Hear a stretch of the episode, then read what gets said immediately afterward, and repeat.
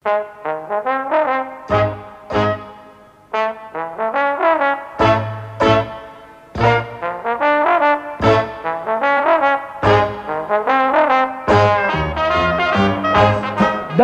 sí, senyores i senyors, un altre any i portem quatre. Estem aquí, a on? A Ripollet, a quina emissora? Home, sisplau, és que aquesta pregunta m'ofèn.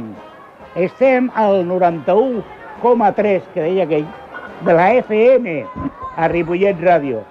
I bé, do, volem donar la benvinguda en aquest programa especial Festa Major de Entre Tots. Bé, hem de començar dient que tenim gairebé tot l'equip amb nosaltres. I dic gairebé perquè mai estarà complet l'equip d'entre tots a Ripollet Ràdio. I ho dic perquè hem perdut una persona capdalt d'aquest projecte.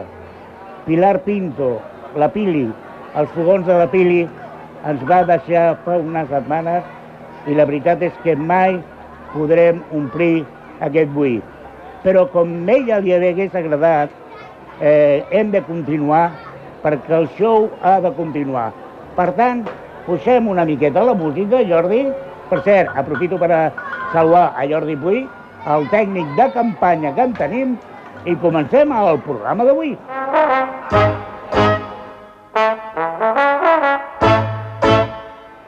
Bé, i com és de, de tradició i de gent formada i de bona educació, hem de començar saludant a la gent que tenim avui.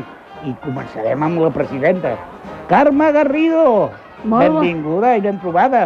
Molt bon dia, companys, veïns, veïnes de Ripollet i allà on ens escoltin.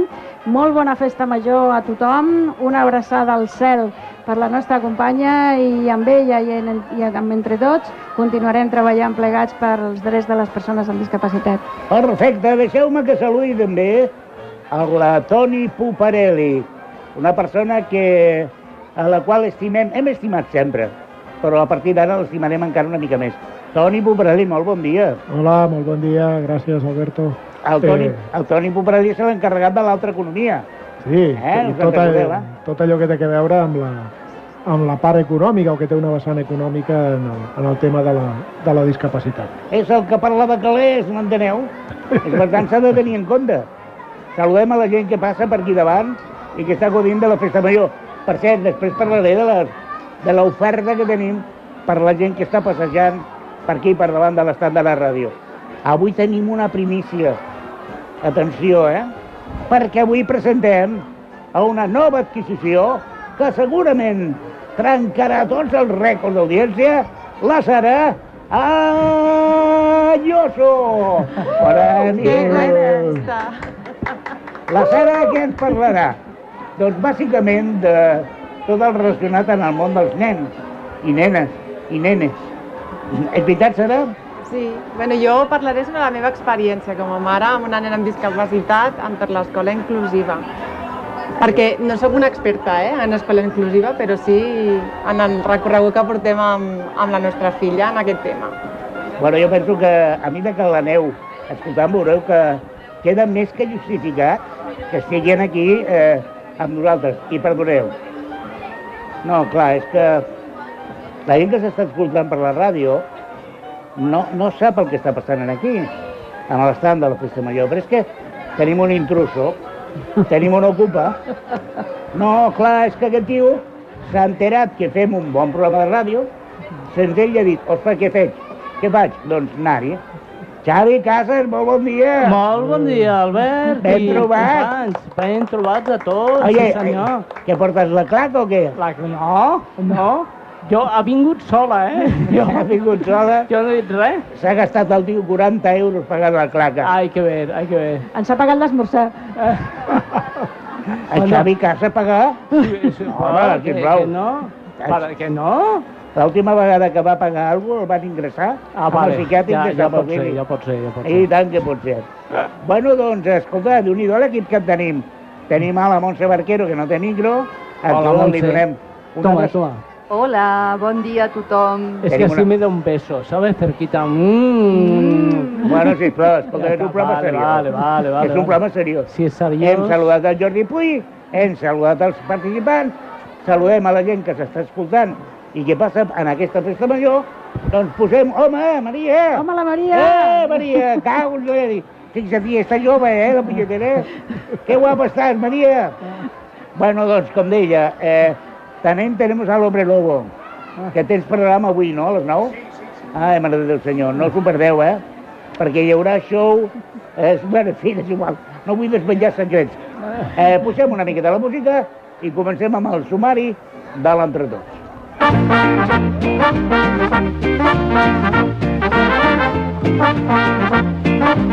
Bé, bé, bé, bé, bé. I de què parlarem avui? Doncs avui parlarem de coses molt, i ara parlant de debò, molt interessants. La primera cosa que farem serà parlar una mica d'allò que ha fet entre tots durant aquesta temporada. Però també parlarem de l'escola inclusiva.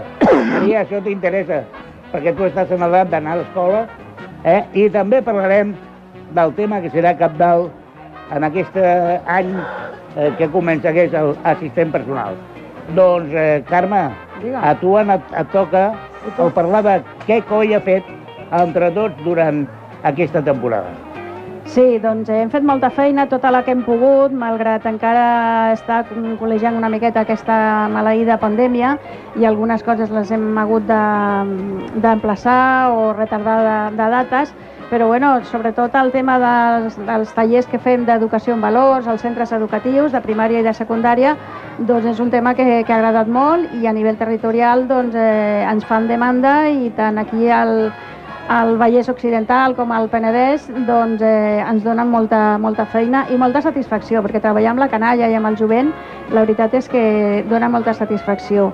També hem pogut eh, col·laborar en jornades formatives e informatives. Per tant, eh, tot això que, que portem fent. Però jo crec que l'important és marcar els tres objectius que tenim com a entitat i, i que és el que marcarà el, el pla de treball, el que marca ja el pla de treball d'aquest curs que estem a, a punt de començar i un d'ells és el que tractarem avui, ja has comentat tu, que és el tema de l'escola inclusiva, per això tenim aquí a la, a la Sara Lloso que eh, ens comentarà una miqueta la seva, la seva experiència.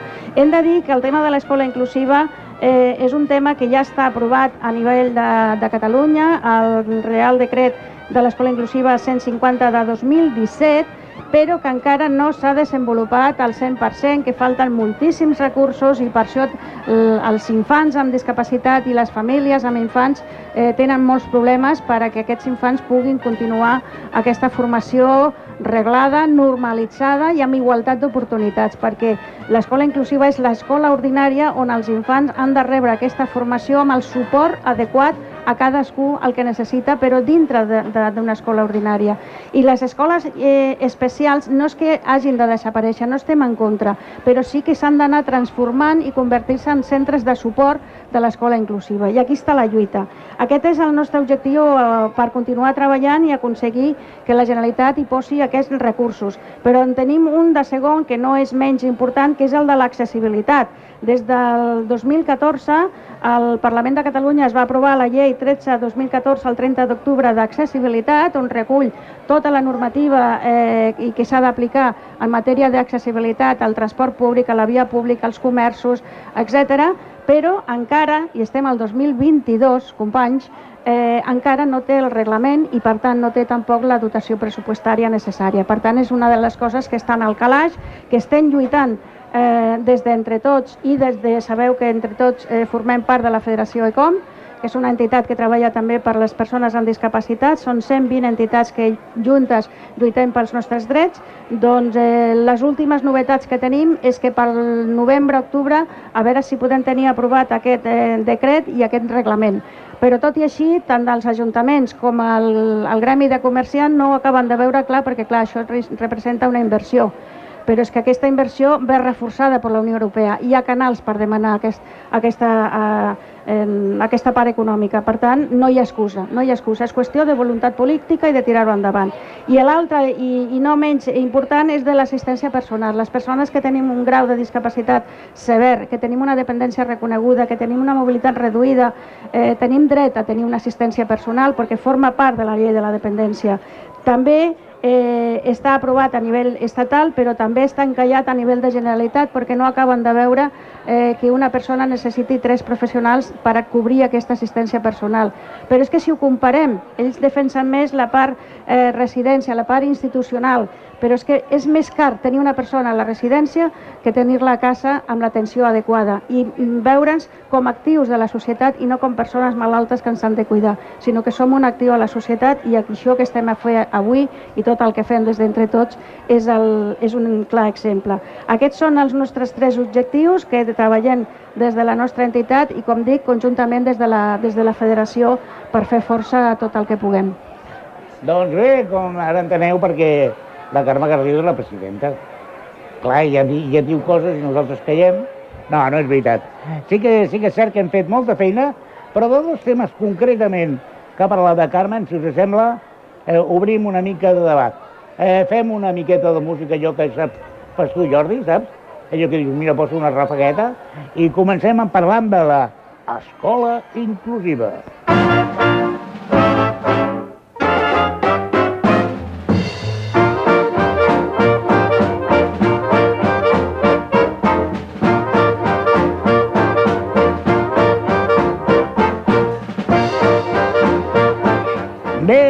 escola inclusiva, escola d'educació especial, què coi és això? Doncs bé, per això tenim, i per cert, eh, a banda de que la protagonista, la, la que debuta a la pel·lícula d'avui, que és la Sara Ayuso, qualsevol dels convidats, convidades, podeu intervenir sense cap problema, d'acord? A veure, parlarem de l'escola inclusiva, i jo, Sara, eh, t'he preparat unes preguntes d'examen, d'acord? Vinga, vale. Vale? Eh, sisplau, no copis, d'acord? El mòbil apagat, d'acord? Vale. A veure, eh, com podríem definir el que és l'escola inclusiva? L'escola inclusiva seria l'objectiu de, de l'educació eh, o, o hauria de ser un dels objectius de l'educació del nostre país perquè tots vivim en un mateix món, l'escola és una per tots i tothom hauria de tenir les mateixes eh, oportunitats de poder aconseguir un èxit escolar en un entorn ordinari, necessiti el que necessiti per, per tenir-ho, no? Això que acabes de dir és molt important i si em permeteu, em trec el barret de, de magnífic director d'aquest programa, que és reconegut per tothom, que sóc un magnífic director. Veritat, Jordi? Gràcies, Jordi. Després, eh, ja saps, la cerveseta ja tens pagada. No, vull dir, eh, em permetreu que parli una mica com a professor d'educació especial. I jo crec que eh, el concepte de- d'escola de, inclusiva està molt bé, però hauríem de començar a parlar de comunitat educativa, Exacte. que penso que és lo important.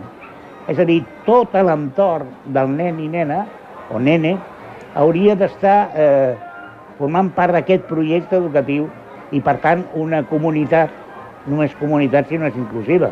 Exacte. D'acord? Eh, però sí que és veritat que porta molta controvèrsia. Escolta, eh, una altra pregunta d'examen. Quins creus tu, sota la teva experiència com a mare d'una nena amb una gran discapacitat, si em permets, quin creus tu que són els beneficis de l'escola eh, inclusiva? Doncs... M'ho penso una mica perquè realment beneficis, doncs els que tenen quals, el que tindria qualsevol infant no? que va a l'escola i que, i que surt al carrer a jugar amb els seus amics i amigues i que crea la seva colla d'amics i que va a un entorn on se'l respecta, se l'ajuda eh, i se'l recolza perquè tiri endavant eh, tingui les dificultats que tinguis no? i tingui les potencialitats que tingui. Eh, jo crec que, que no és ni més ni menys que qualsevol altre infant que, que va a l'escola, no? El que passa que, que en, en, en aquest tema de la discapacitat i dels, dels infants amb discapacitat sembla que, que quan van a una escola ordinària o que, no, que necessiten més, que ho fan perquè així es socialitzin, perquè no és només això. O sigui, la, la meva filla té un, un dret inherent en ella que és el dret a l'educació. Perdona un moment. Podries tornar a repetir aquesta última frase? És a dir, la teva filla té què? Un dret inherent en la seva persona per ser una nena. Dret inherent per al fet de ser una nena. Vale, vale, perdona, eh? és que clar...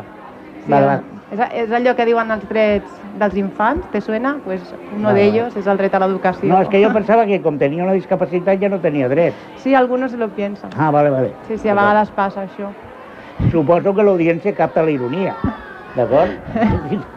Perquè Per si de cas, no? És que Deixem-ho clar. estem a festa major i hi ha gent que encara va una mica perjudicada d'ahir. Doncs això, Perdó. no? Eh, res més que, que, que poder desenvolupar-se com, com qualsevol altra persona en, tota, en, en tot el seu màxim, no? És a dir, tant a nivell intel·lectual, a nivell relacional, a nivell de comunitat, no? de, de, de tot, de, de poder desenvolupar pues, com qualsevol altre nen, no? Uh, ser feliç, disfrutar de la seva infantesa i, i poder viure la seva vida amb total plenitud. Però clar, a veure, eh, eh, tu saps que hi ha molt de debat, Uh -huh. eh, hi ha gent que defensa legítimament eh, el fet de que una persona amb una gran discapacitat té de necessitats de moltes ajudes Sí, i que, per tant, l'atenció que pot oferir una escola ordinària clar. no és la mateixa que podria oferir una escola especial. I això ens comporta a la tercera pregunta de l'examen, Sara. Els costos de l'educació o de l'escola inclusiva. Tu penses que hi ha increment de costos i sobretot si n'hi ha, això justifica que no es faci d'una forma ordinària l'escola inclusiva?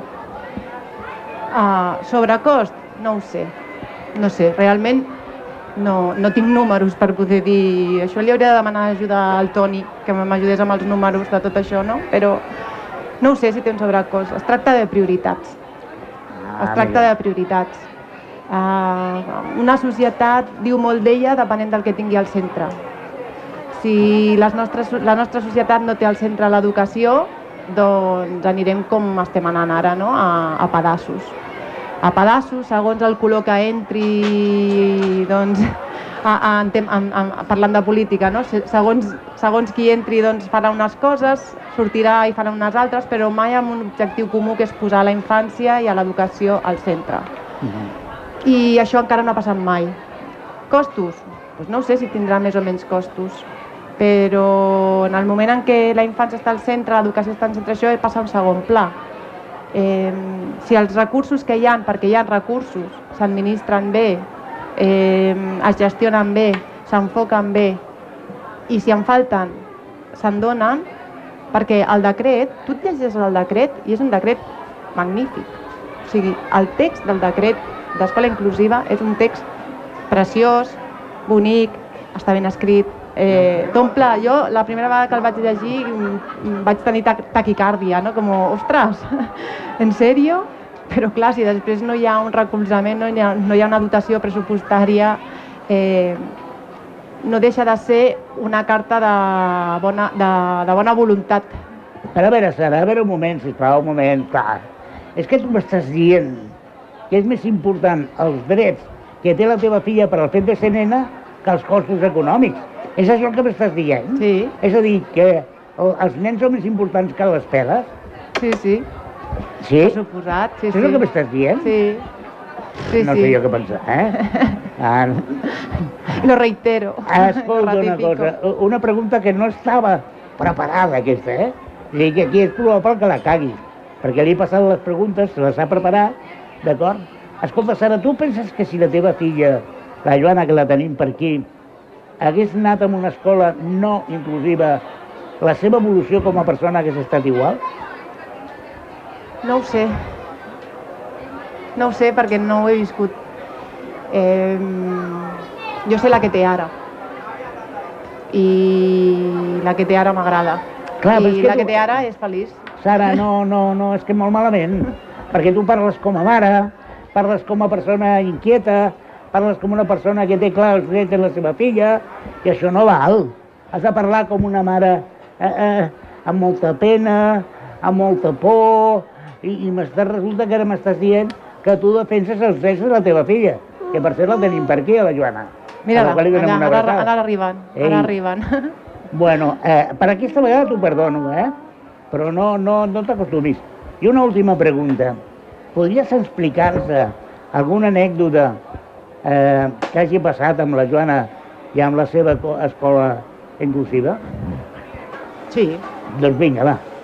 Um, a veure, a veure, a veure, uh, per exemple, uh, recordo que, que fa, just l'any abans de la pandèmia, Mhm. todo es antes y después de, no ahora, eh, van fer una gincama, crec que feien una festa d'escola, no sé què, i els grans, els de sisè, preparaven una gincama de proves per, per tota, bueno, per tota la- l'escola, no? per grans i petits. La consigna que els mestres van donar, penseu que aquesta prova l'han de poder fer eh, tant grans com petits tots els nens de l'escola. La Joana va a l'escola des de P3, en aquell moment devia fer pues, primer o segon, crec. Eh, I ja la coneixien, o sigui que no és que arribés nova ni res, no? però bueno, aquestes coses a vegades passen. Els nens munten la gincama, munten les proves, i quan ja ho tenen tot muntat després de doncs, potser un parell de dies d'acabar de fer coses i tal, la, ho, ho revisen amb els mestres i un dels mestres diu vale, molt bé, ara que ho teniu tot fet, la Joana ha de poder fer això, ho pot fer? Tots els nens van fer així, es van quedar, és que clar, estem a la ràdio, van fer uns ulls com a taronges i, i els nens van dir, ostres, no, clar, la Joana, doncs hem de refer les... Doncs els propis nens i nenes van dir, hem de refer la gincama. I van adaptar tota la gincama a, amb petites a proves amb, amb més modificacions, proves amb menys, perquè la Joana pogués fer la, la gincam, la, les proves com, com tots els altres. Doncs bé, eh, Sara, tu que parles de gincama i abans de donar pas als companys i companyes col·laboradors perquè diguin la seva, eh, comento que a partir de dintre d'un momentet doncs farem aquí un petit recorregut per si algú dels que ens escolta, que passi per endavant, doncs vol fer un petit esbànon en cadira de rodes o senzillament vol portar un bastó blanc i, eh, i donar una volteta. Ah, escolteu, mentre preparem el circuit, què us sembla si escoltem una miqueta de música? Perquè penso que dintre de poc hi haurà aquí un acte que haurem de fer un petit, eh, com dicen aquello, volveremos después de la publicitat. Doncs Jordi, quan vulguis, i continuem després parlant d'escola inclusiva.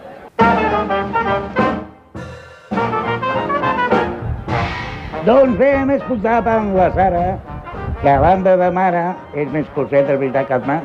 I tant. Què me, què és, què és? Una gran professional. Ella és educadora social i és tècnica responsable de l'àrea d'infància del municipi de Santa Margarida i els Monjos del Penedès. Per això la tenim a prop i, i la vam fitxar per, per la Junta perquè ella diu que nosaltres li aportem, però la veritat és que ella també ens aporta com a mare i com a professional moltíssim a la- a Ai, que bonic. Ah, que m'ha quedat Ai, bien. que bonic. Has vist? És que Ai, ai, ens ai. estimem molt. Escolteu una cosa, algú dels col·laboradors vol dir alguna cosa en relació amb, la- amb l'escola inclusiva? Xavi, Toni, algú? Jo? No, no, no. Jo? Si és que ja sóc grandet, jo. Jo ja no. Jo ho veig tan normal, això. És que aquesta pregunta em sobra, Albert. Vale, vale, No és vale. veritat. Clar, ja sou, jo ja he estudiat, jo ja he fet el que he hagut de fer. Doncs pues igual els xavals han de fer com jo, Exacte. estudiar i ja està. Molt bé. I tu, Toni, quina és la teva... Jo volia afegir una cosa, eh, que quan parlem del valor que aporta l'escola inclusiva, hi ha un valor que també aporta als altres nens, que al final és una vida normalitzada per tothom, Totalment. que això ensenya i educa a que en qualsevol activitat que hi hagi hem de tenir en compte tots els col·lectius i persones que puguin tenir i hem d'anar, com es diu sempre, a la velocitat del més lent.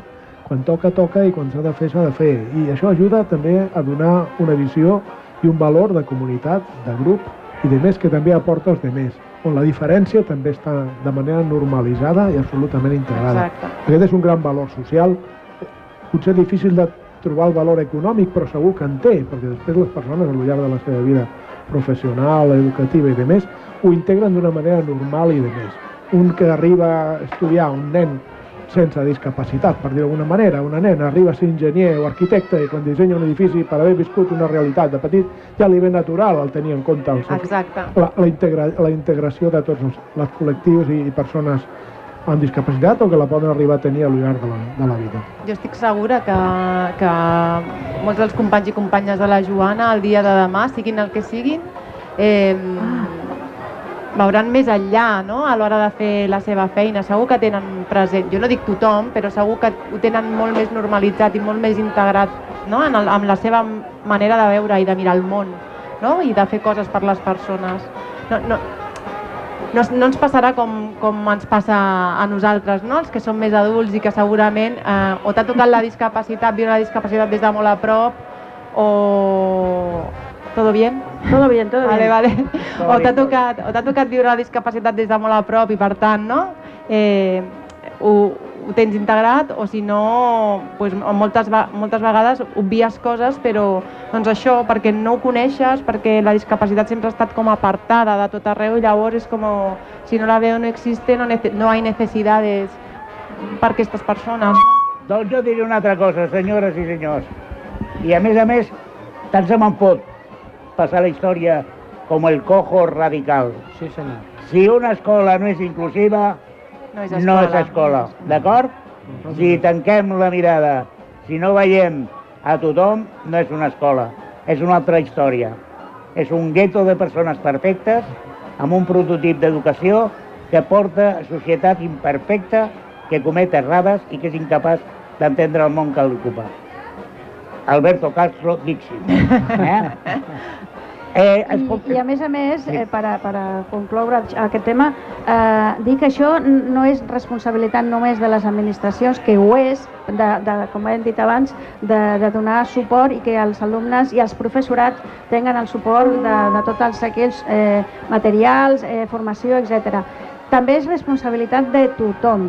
Els pares que no tenen fills amb una discapacitat, professorat que mai ha treballat, tothom som responsables, per això ens diem entre tots, perquè no és una qüestió només nostra com a col·lectiu de lluitar, és una qüestió d'entre de tots, de tothom, de tota la societat. Quan hi ha pares que a la porta d'una escola demanen signatures perquè en aquella escola on van els seus fills no volen que assisteixin fills amb, amb algun tipus de discapacitat, això és intolerable i malauradament està passant. Per tant, això també s'ha de dir fort i alt, que tots som corresponsables. Sí, senyora, tot és corresponsable. I anem a veure una cosa. Mentre... Eh, perquè, clar, tenim una petita sorpresa, i és que tenim aquí un company, el, el Juanjo i el, i el Marc, que ens prepararan ara un petit circuit eh, amb cadira perquè la gent que vulgui, els nens i nenes i nenes que vulguin provar què vol dir anar en cadira de rodes, puguin provar-ho. El que passa és que, clar, s'estan fotent una cervesa i no ens escolten. Hola. És a dir, hauríeu de començar, companys, Mar, eh, hauria de començar a preparar el que seria el circuit perquè els nens i nenes que vulguin ho puguin eh, provar. Mentrestant, si us sembla, tenim una col·laboració que no he presentat, val? que és a la, a la Soledad Martínez, que és una companya que està a Alacant, que malauradament no pot estar avui en aquí, però, però que ens ha enviat una, una informació i una salutació a tots vosaltres. Mentre escoltem a la Soledat, a la Soledat, sí, ja ho he dit bé, és que la cervesa és el que té els efectes secundaris, el nostre amic Juanjo està preparant un circuit per a aquells que vulguin provar una cadira de rodes, puguin sentir què és allò d'anar en quatre rodes. Mentrestant, escoltem a la Soledad Martínez.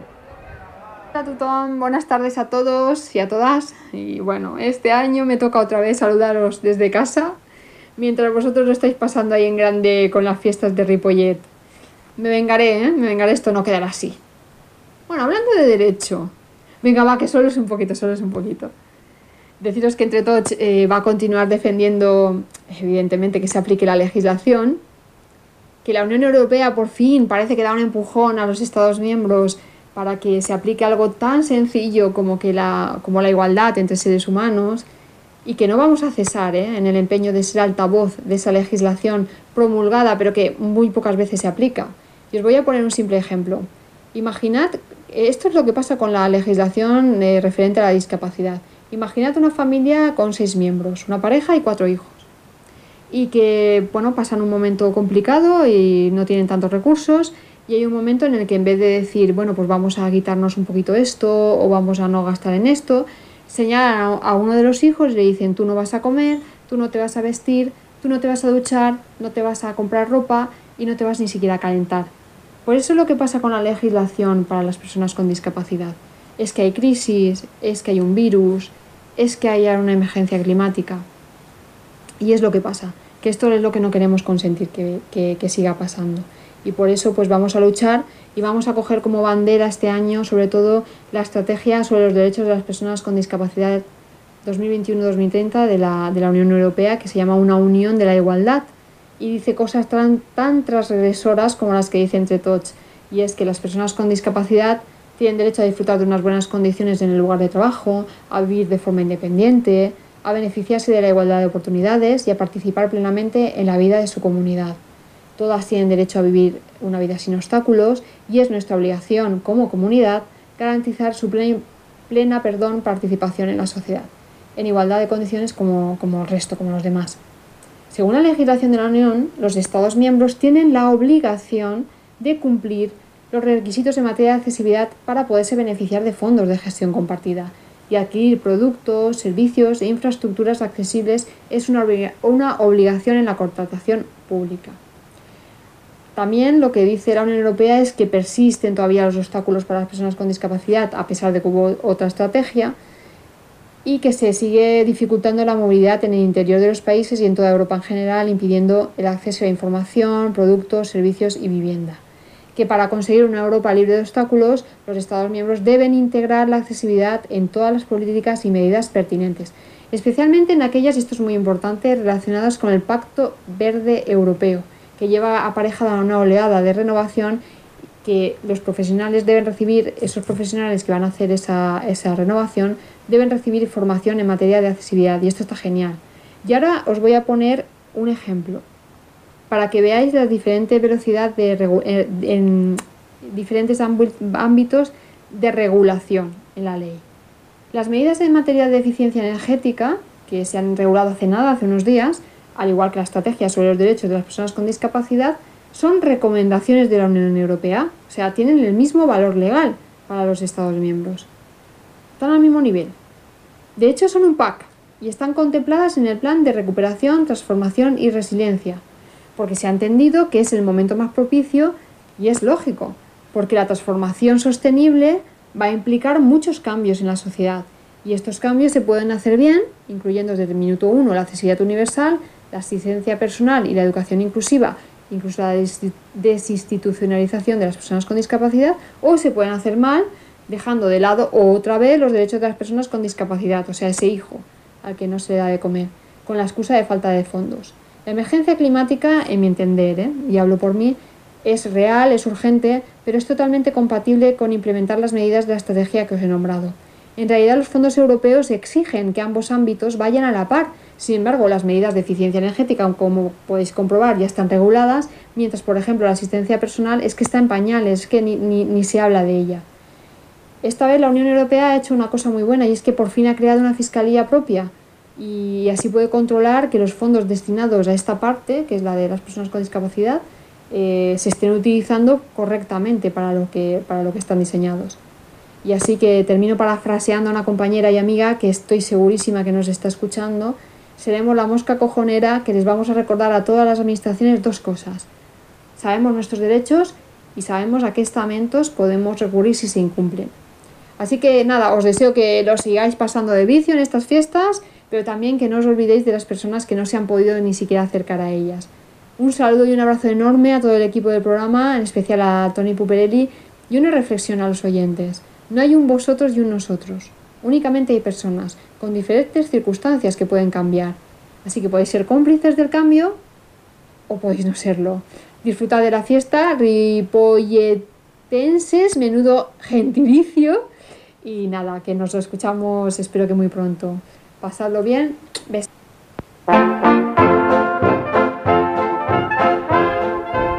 Gracias, Sole, Soledad Martínez desde Alicante. Sabéis que ella lleva la sección de La Toga, donde hacemos una, una traducción, eh, diguem-ne, fàcil d'entendre de la normativa, que no és poca i és bona, però malauradament no, es- no es compleix. Doncs gràcies, Sole. Escolta, mentre estava parlant la Sole, el Juanjo, el senyor aquest amb el barret, val, encara d'agobiat i amb Tian, estan provant com va això de la cadira de rodes i fent un petit eslalom. Si algú vol provar-ho, cap problema, d'acord? Bé, i ara passarem a un altre tema que penso que és, eh, que és també molt important. Parlarem del assistent personal.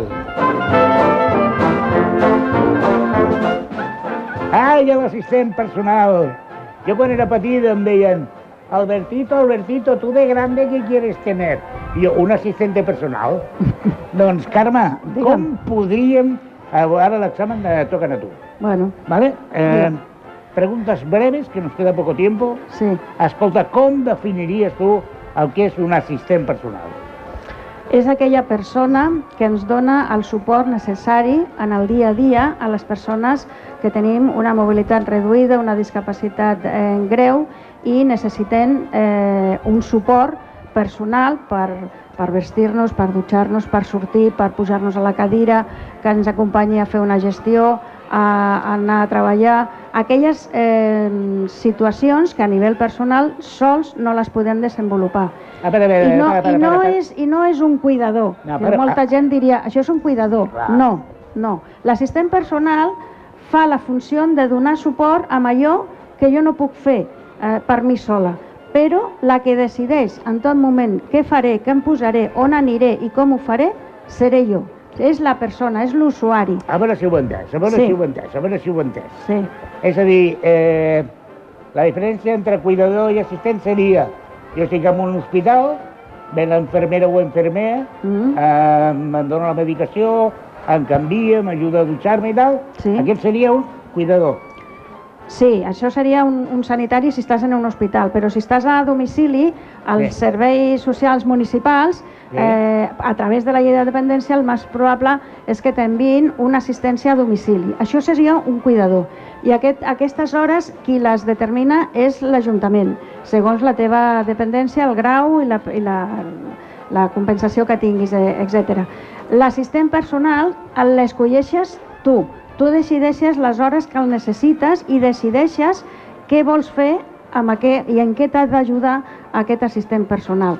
Eh, Per això és, és molt important i per això és tan important aquesta, aquesta estratègia que parlava la, la Sole de la Unió Europea, eh, el que ve a reforçar dintre del, del pla eh, per a les persones amb discapacitat del 2020 al 2030 eh, és reforçar econòmica i tècnicament a l'administració perquè pugui eh, donar suport i eh, poder pagar a, a aquest assistent personal. Molt bé, molt bé, però a veure, a veure, eh, és que clar, eh, Mm.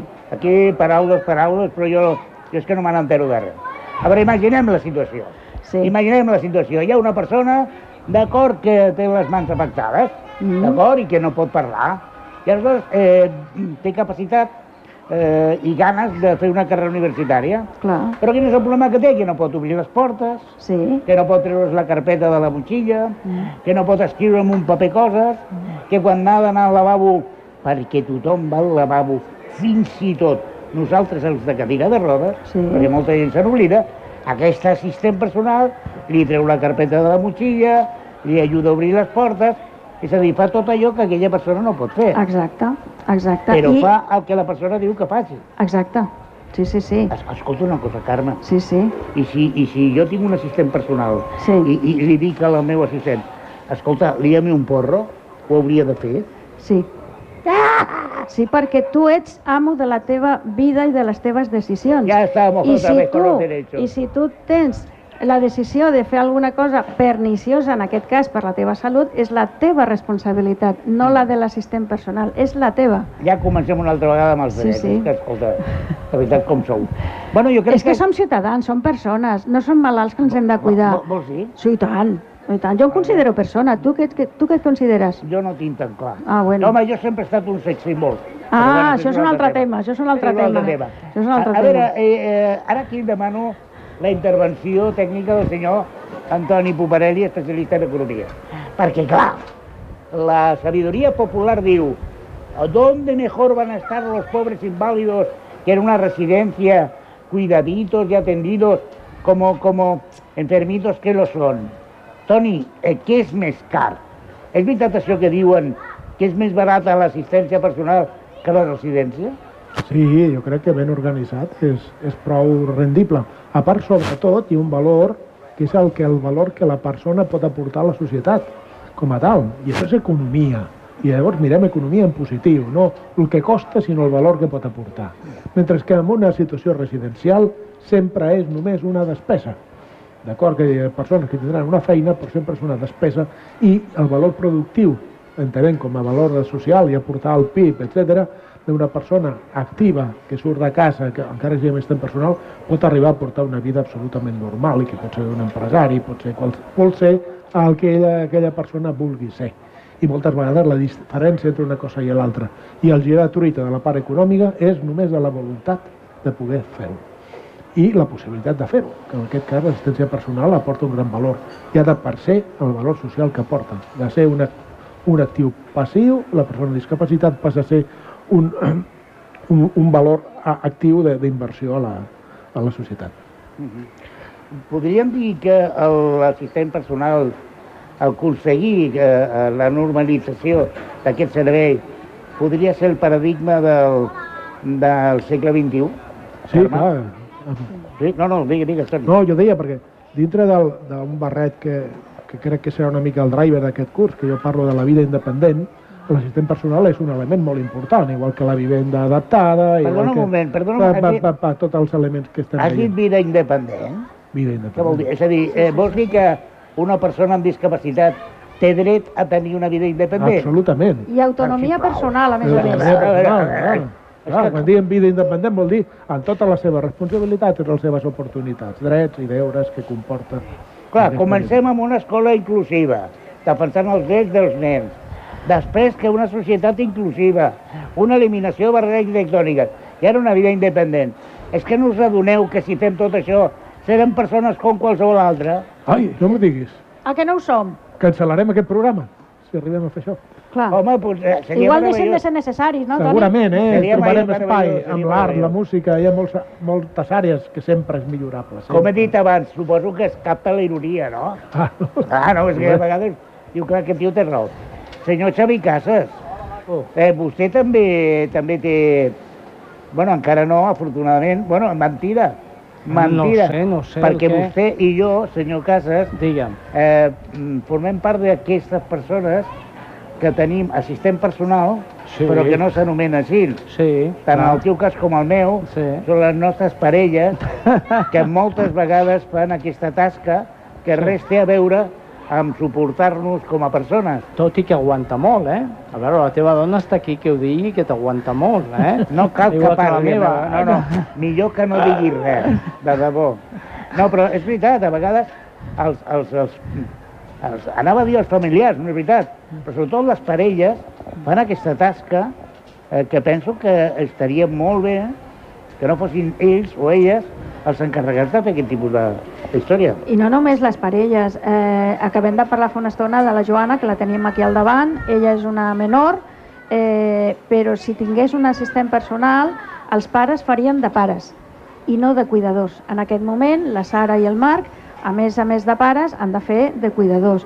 L'han de portar a escola, s'hi ha d'anar d'excursió, s'hi ha de fer una acampada, s'hi ha de fer... perquè la Joana fa de tot, com qualsevol nen o nena, eh, però si tingués aquesta eh, assistència personal podria anar d'excursió de colònies a l'escola, a una reunió, a una activitat amb les amigues. Això sí, el tema de les colònies, les sortides, jo crec que hauria d'estar inclòs en el tema de l'escola inclusiva. L'assistència personal ha d'anar per un altre cantó. Mira, sense anar més lluny, fa dos dies vam fer una festa de pixames a casa, fa dues nits, no? Eh, amb les amigues de l'escola de la Joana, tot l'estiu que no es veiem, van venir les seves amiguetes a casa a dormir. Una, per què es fa casa? Perquè a casa està tot adaptat. No? Sempre, sempre som casa d'acollida, que dic jo, no? Sempre ven- venen a casa perquè és més fàcil, perquè si no en, mol- en moltes coses anar a les cases dels altres és més complicat, això per un cantó, no?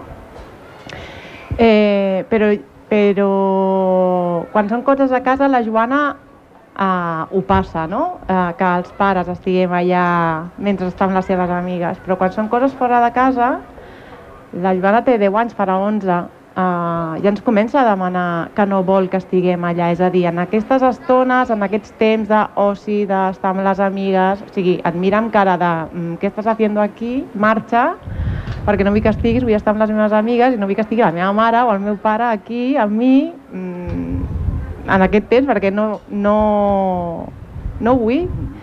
I això és difícil d'anar eh, d'anar trampejant perquè et trobes amb aquesta cosa de que eh, si han, clar, que si algú l'ha d'assistir estan els seus amics, que, que també cal dir que, que té uns tresors com a amigues, no? perquè elles bueno, et diuen no pateixis, no pateixis, Sara, ja pots marxar, d'aquí una estona ja venim, perquè nosaltres parlem l'idioma de la Joana i ens entenem.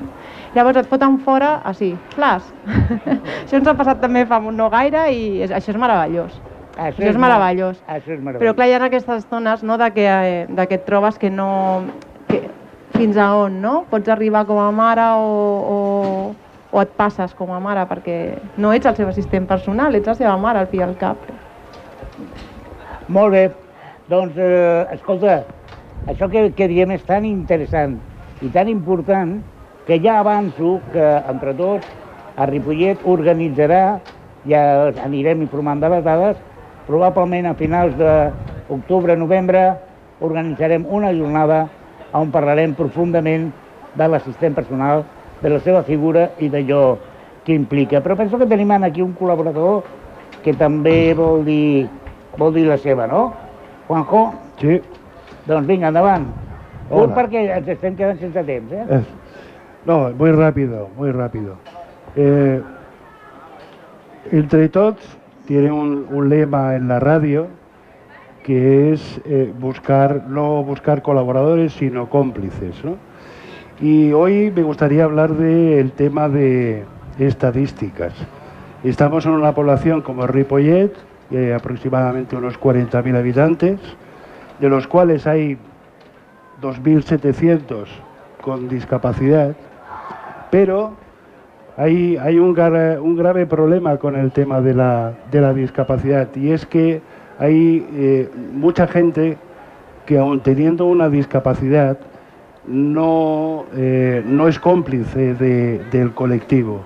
Entonces, eh, pensemos de que alrededor de un 20% nada más de las personas con discapacidad se implican en poner denuncias cuando hay un local que no sea accesible porque tiene un escalón y, los comercios eh, eh, sinceramente deberían de ser para todos. O sea, la persona con discapacidad es una persona al 100% como cualquier otra y tiene todos los derechos posibles y por haber para poder entrar en locales públicos eh, de los cuales se les está negando precisamente por esa eh, accesibilidad. Tenemos leyes en las cuales obligan, en cierto modo, a que todo sea accesible, pero sin embargo, sin embargo, no se cumplen. No se cumplen sea por la administración, sea por la ciudadanía, sea por todos. Buscamos cómplices, efectivamente buscamos cómplices y cuando veas un local que no es accesible, que no permite la entrada de personas con silla de ruedas, que no les deja eh, ir al baño, como antes ha comentado Alberto, porque resulta de que no tienen un lavabo accesible o el que tienen lo tienen utilizado para otros, otras cuestiones.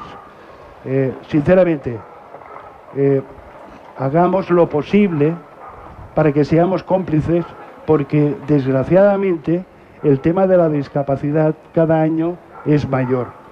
Este año, eh, con el tema de, bueno, eh, hemos sufrido una pandemia, la gente no podía ir de vacaciones, no podía ir a la playa.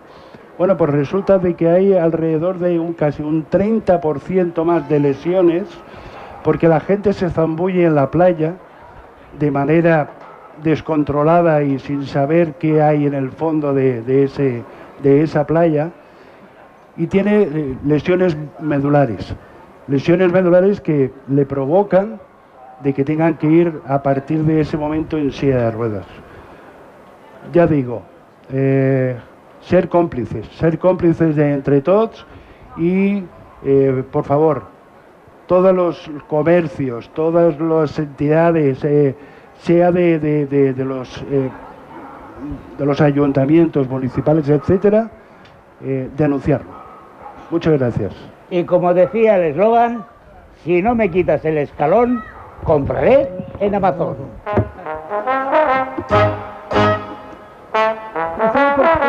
Bé, senyores i senyors, sembla que ens treuen d'aquí perquè hem d'anar a dinar.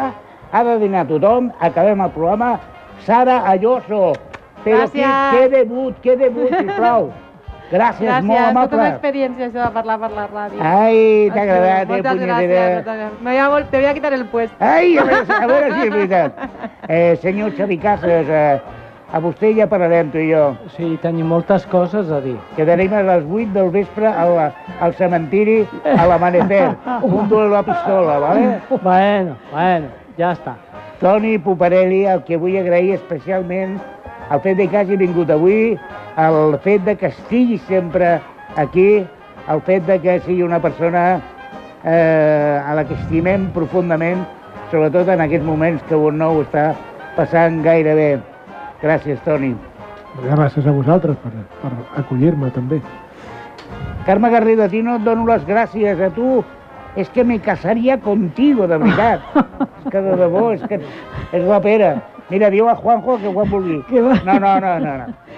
No sé jo què dirà la Montse d'això, eh? Bueno, Bueno, igual també li va bé, tu. Sí, eh? Perquè No els posaria- tenim farts a tots dos. No posaria pegues. Senyor Jordi Puig, eh, tot i que és estiu i que és graneto i que el tio té una caja de xiveques ahí de, darrere, ho ha fet força bé.